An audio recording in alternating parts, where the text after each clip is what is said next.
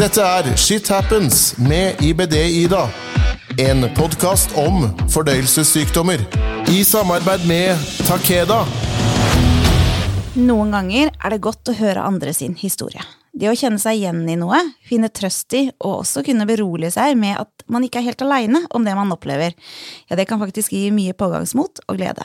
I dag skal vi høre historien til Elisabeth. Velkommen hit til meg. Takk for det. Det er veldig koselig. Du, kan ikke du først fortelle litt sånn kort hvem du er? Det er alltid det vanskeligste spørsmålet man kanskje får. Ja. Men eh, jeg tror jeg er en, eh, en, ganske aktiv dame på 35 fra det sentrale Østlandet. Mm. Har eh, en relativt tidvis hissig ulcerøs kolitt, mm. og har også de ti siste årene hatt IBS i tillegg. Mm. Om vinteren så er jeg stort sett i dvale, med unntak av en og annen skitur enten bortover og nedover. Men ja. på sommeren og våren og høsten så våkner jeg til liv, og da er det mye motorsykkel, det er turer i naturen, hengekøye, eh, trening, reising og, og, liksom skape de gode opplevelsene, da. Aktiv dame, med andre ord. Aktiv. Ja, så bra. Prøver i hvert fall. Ja. Og det er en fin, det er en fin ting, tenker ja. jeg. Du, nå skal vi helt sikkert ganske mange år tilbake i tid, mm. uh, for jeg lurer litt på uh, hvor gammel var du når du begynte å få symptomer på at noe ikke helt stemte med helsa? Og hva var symptomene du fikk?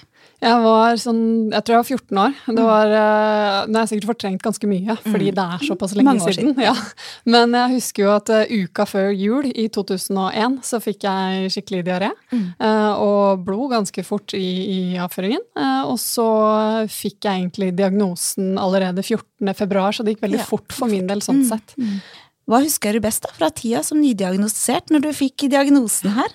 Det var veldig mye inn og ut av sykehuset. Ja første halvannet året, kanskje. Jeg gikk jo på hestekurer av mm. medisiner og mm. alt mulig for å prøve å bli symptomfri. Uh, og i, etter at de fikk til det halvannet år etterpå, så, så gikk jeg i en veldig lang periode med remisjon. Ja. Og da hadde jeg ikke noe forhold til den sykdommen her i det hele tatt, sånn sett, da. Mm. Men jeg husker jo veldig det at det, det var lite å hente da, fra helsevesenet, faktisk. Uh, man følte seg ganske alene. De sier bare ja, det er veldig individuelt, du kan spise hva du vil og alt mulig sånt. Uh, men som jeg har liksom funnet ut i etterkant, da, at det er jo veldig mye man faktisk kan få tips om, istedenfor å måtte gjøre det selv. F.eks. kosthold, da, sånn som jeg styrer veldig mye av denne sykdommen med. Da. Mm.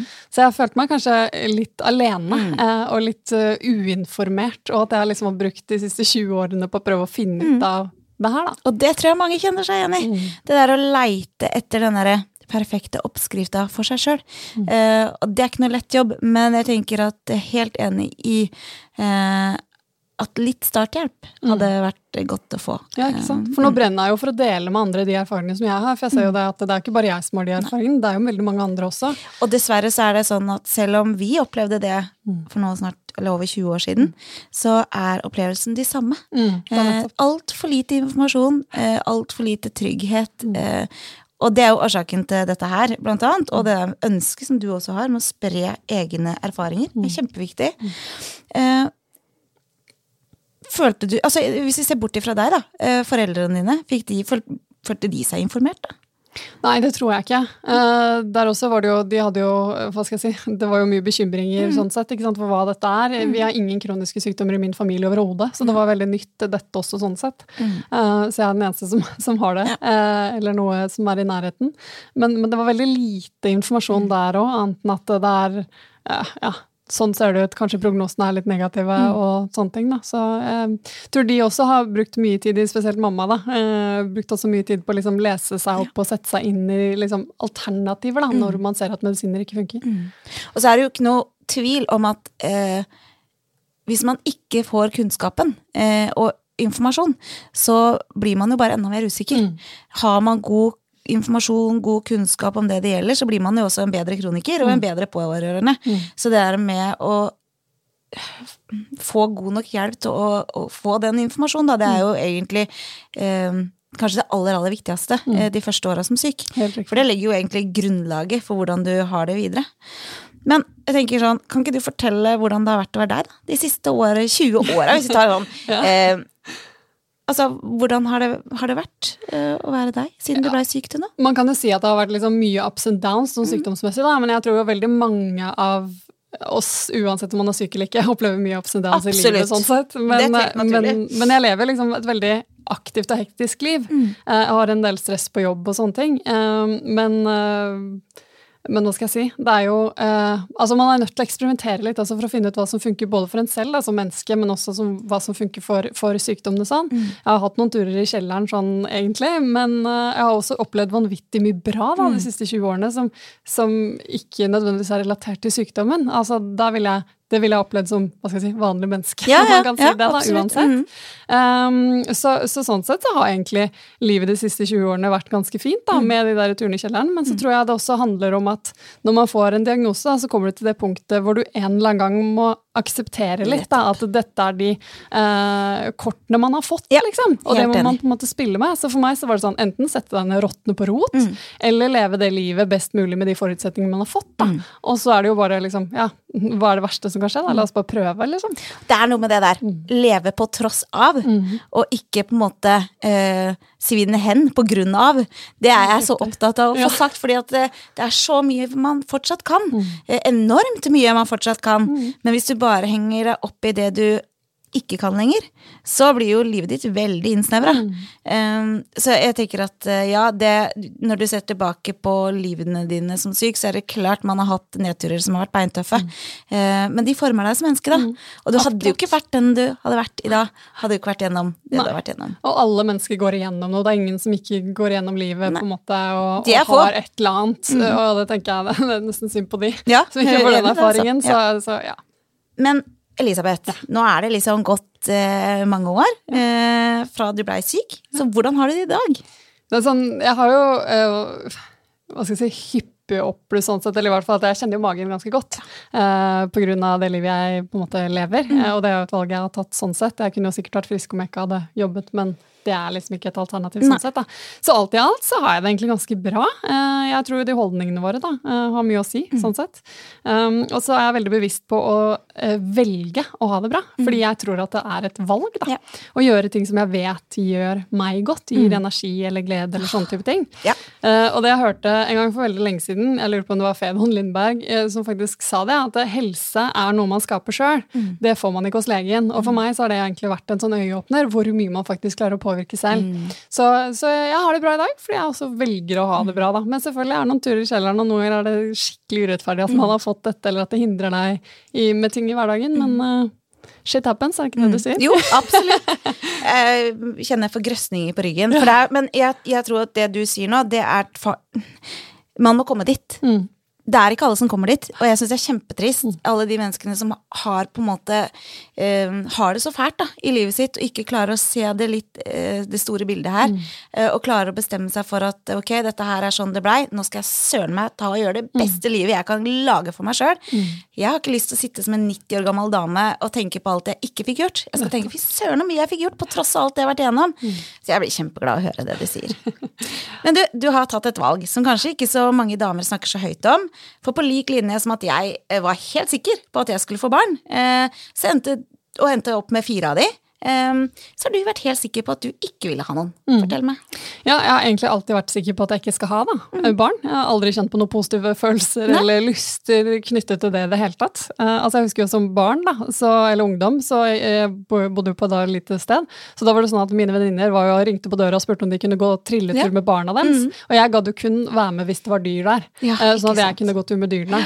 Så jeg har egentlig aldri vært opptatt av barn i det hele tatt, så da var valget ganske ja, Enkelt. lett. Ja. Men hvordan, hvordan har på en måte valget blitt mottatt av de rundt deg, da? Mamma syns det har vært litt sånn tøft, eh, for hun ønsket seg barnebarn. Nå kan hun heldigvis være det for eh, altså bestemor, da, for ja. min kusines barn, for vi er veldig sånn tett family sånn sett.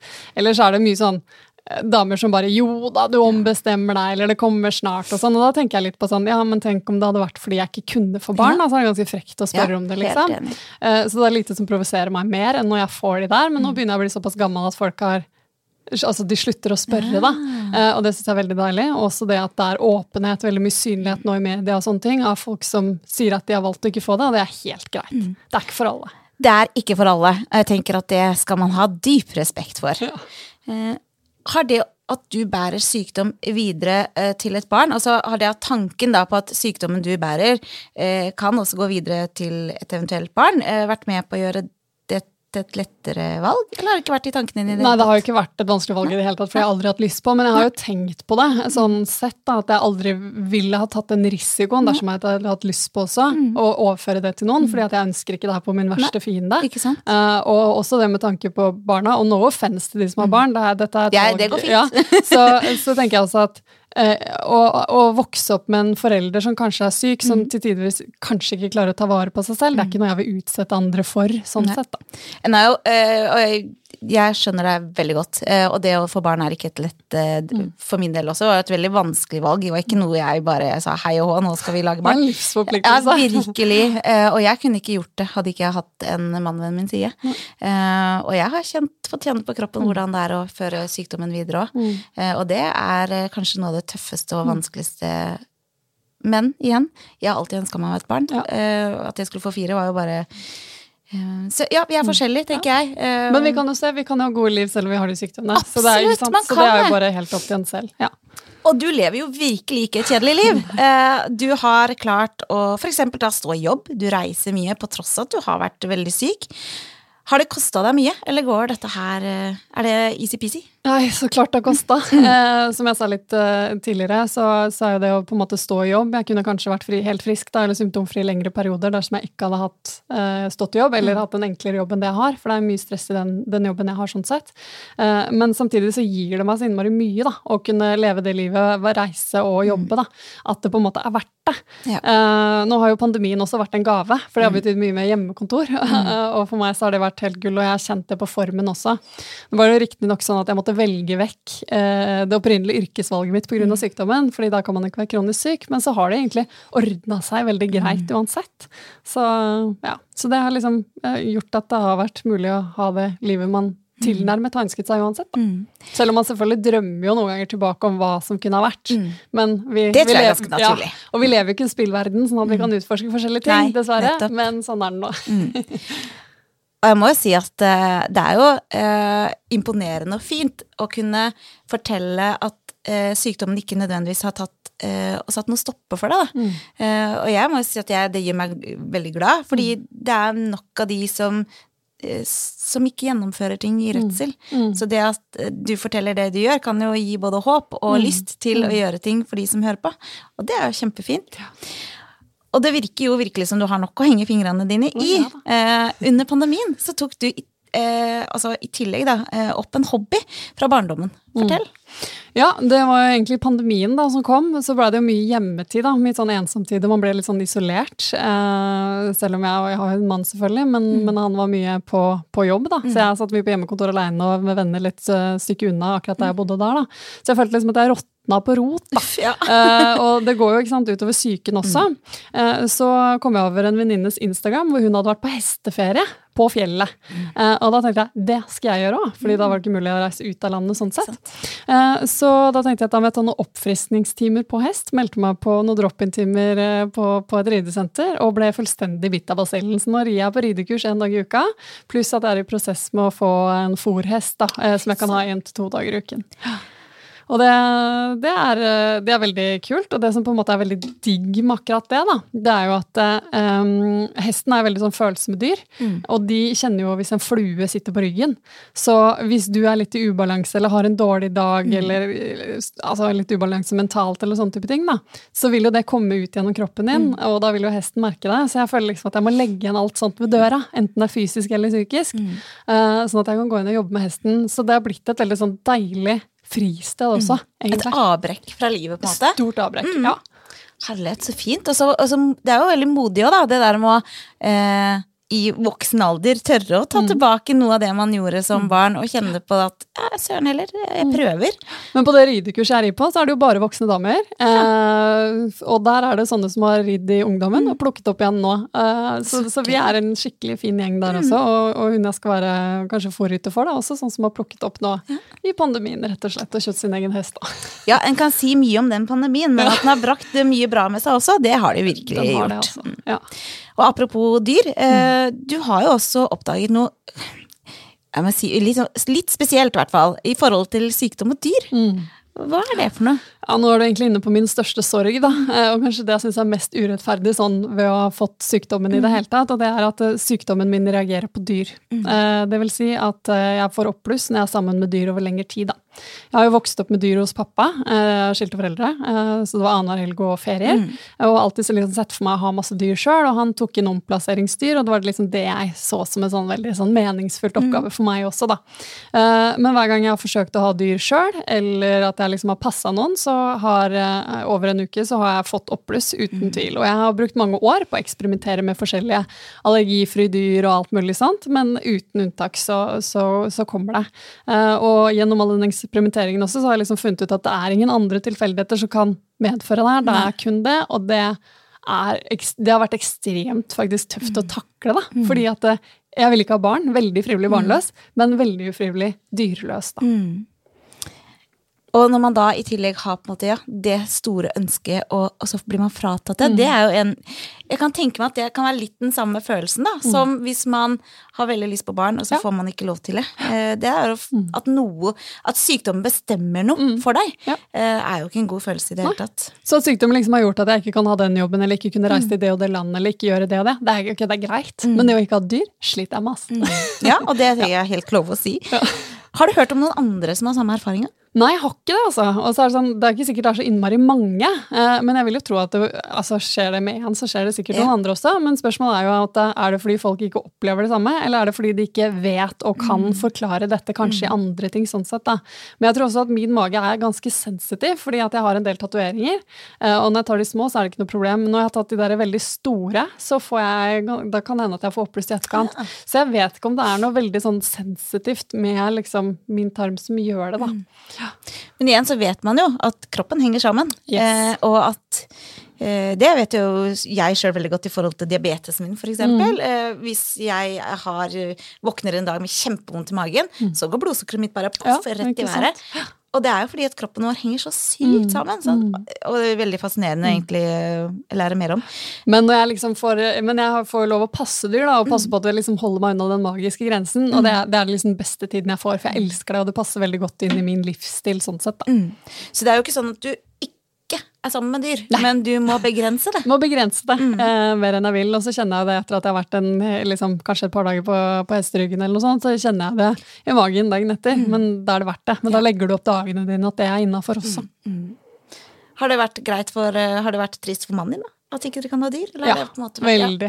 Han hadde to hunder da vi ble sammen. De var gamle, da, så de gikk bort relativt fort. Men, eh, men jeg ble syk av å være sammen med de, så da Ja. kunne jo ikke vi ha Altså, De kunne ikke bo sammen med oss, men de, de hadde pensjonstilværelsen sin da hos eh, foreldrene hans, noe som Mm. var veldig fint, for da kunne de gå inn og ut av hagen og slappe å være hjemme sånn syv-åtte timer om dagen Ja. fordi vi var på jobb. Så, så sånn sett så løste det seg veldig fint for dem, men, men det er en sorg at ikke vi kan ha dyr nå. Mm. Eh, Så han er jo også sånn at når vi går tur, da, uh, så er han den typen som bare kaster seg over dyr, akkurat som barn gjør omtrent, og bare 'å, kan jeg klappe den?' Og, sant? Så det er et savn for han òg, men han også er jo må jo innfinne seg med det sånn sett, da, og syns det er veldig greit at vi kan passe. Ja. ja, og det er en fin ting. Ja. Sånn, sånn på tross da av veldig aktiv sykdom, hektisk hverdag, og at ting ikke ble helt sånn som du så for deg yrkesmessig, og det å være da ufrivillig dyreløs, så har du klart deg veldig bra, er det lov å si? Det absolutt lov å si, fordi det er jo sant. Det stemmer jo det. Um, nå, jeg føler meg på en måte både uheldig da, som har fått sykdommen, men også heldig på en gang, fordi at man har kunnet gjøre ganske mye, da, selv om man har en veldig aktiv sykdom. Men, men igjen, da, det handler jo litt grann om, og sånn som jeg sa tidligere, og du også har sagt, da, at det, det har noe med hvordan man velger å leve det livet sitt, da, selv om det ikke blei sånn som det skulle. Så ja, Du er fornøyd? Ja. man kan jo ikke ikke være fornøyd. Nei, nei. Om du skulle gi et råd, eller et tips da, til en annen eh, kroniker, eh, hva hadde du sagt da? Ja, du var faktisk litt inne på det sånn i i stad, men det er sånn litt klisjé, da. Men jeg føler at jeg må si det, at eh, vi lever jo bare én gang. Og min største frykt er i hvert fall å sitte i enden av det og bare tenke var det alt? Ja. Vi får liksom ikke den der nye sjansen. Eh, så for meg så tenker jeg at det, er, det er viktig å ha det bra, og det er jo mitt viktigste tips velg å ha det bra. Det er et valg. Eh, velg å ha fokuset på, på å gjøre det beste ut av de forutsetningene man har. Eh, fordi da kan vi liksom rette energien mot det. Da. Og er det vanskelig, ja, så, så start i det små. Da. Eh, slutt å legge så mye energi i ting man ikke får kontrollert eller gjort noe med.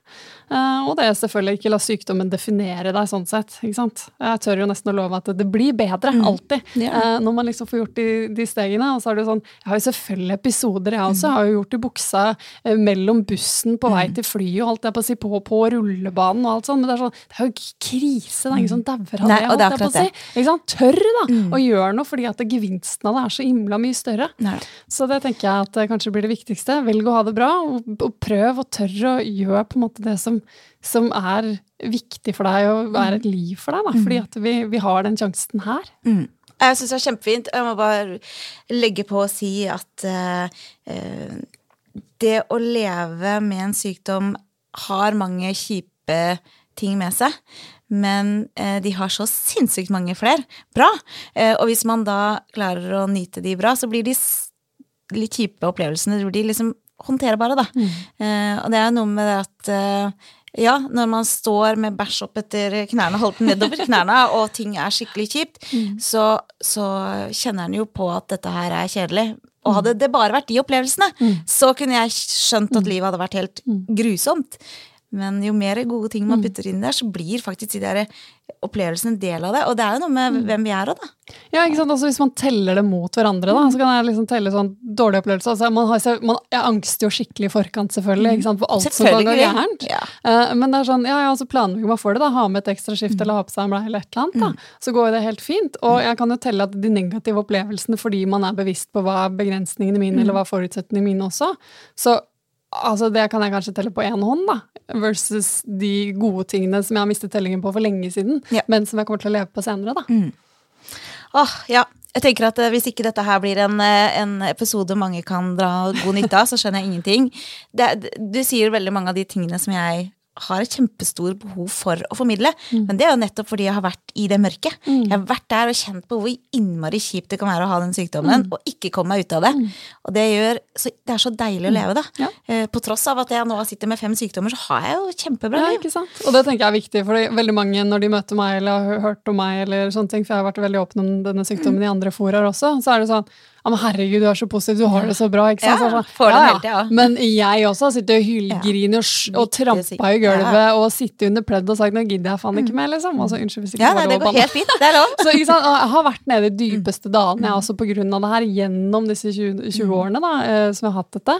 Men, eh, men igjen, det er som du sier, da. Vi, mm. vi er nødt til å uh, ha liksom fokus også på på de der fine tingene, fordi det overskygger, da. Og jeg tror hvis man ikke Altså, de som har vært nede i det mørke mørket mm. eh, og kommet seg opp igjen, mm.